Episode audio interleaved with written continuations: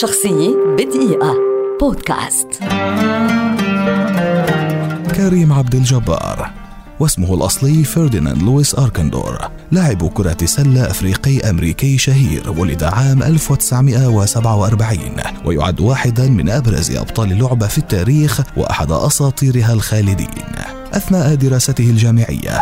اختير كأفضل لاعب كرة السلة في دور الجامعات عامي 1967 و 1969 انتقل بعد الجامعة إلى فريق ميلواكي باكس. وقاده بشكل أساسي إلى نهائي عامي 1974 و 75 قبل أن ينتقل إلى فريق لوس أنجلوس ليكرز الذي حقق معه أعظم إنجازاته محرزا لقب الرابطة الوطنية لكرة السلة خمس مرات وقد اختير 19 مرة ضمن فريق كل النجوم وأحرز لقب أفضل لاعب في ال NBA MVP ست مرات وتوج إنجازاته باختياره ضمن فريق أفضل لاعبي ال NBA في التاريخ. اعتزل كريم عبد الجبار اللعب عام 1989 وهو في الثانية والأربعين من العمر. وقد كان أكثر اللاعبين في تاريخ بي إي تسجيلا للنقاط بحصيلة بلغت 38387 نقطة.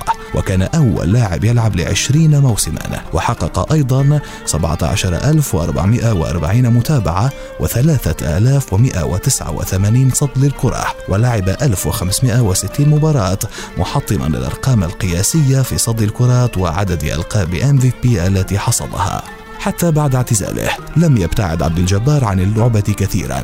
فقد بقي يعمل لصالح نيويورك نيكس ولوس أنجلوس ليكرز. كما ألف عدة كتب منها A Season on the Reservation عام 2000 و On the Shoulders of Giants عام 2007 وأصبح متحدثا عاما لعدد من المنتجات كما شارك في عدد من الأفلام السينمائية. وفي عام 1995 تم وضع اسمه في قاعة Naismith Memorial Basketball Hall of Fame عام 2009 تم تشخيص إصابته بنوع نادر من اللوكيميا وفي عام 2011 أعلن الأطباء شفاءه من السرطان ثم حصل عام 2016 على وسام الحرية الرئاسي من الرئيس الأمريكي وقتها باراك أوباما. شخصية بدقيقة. بودكاست.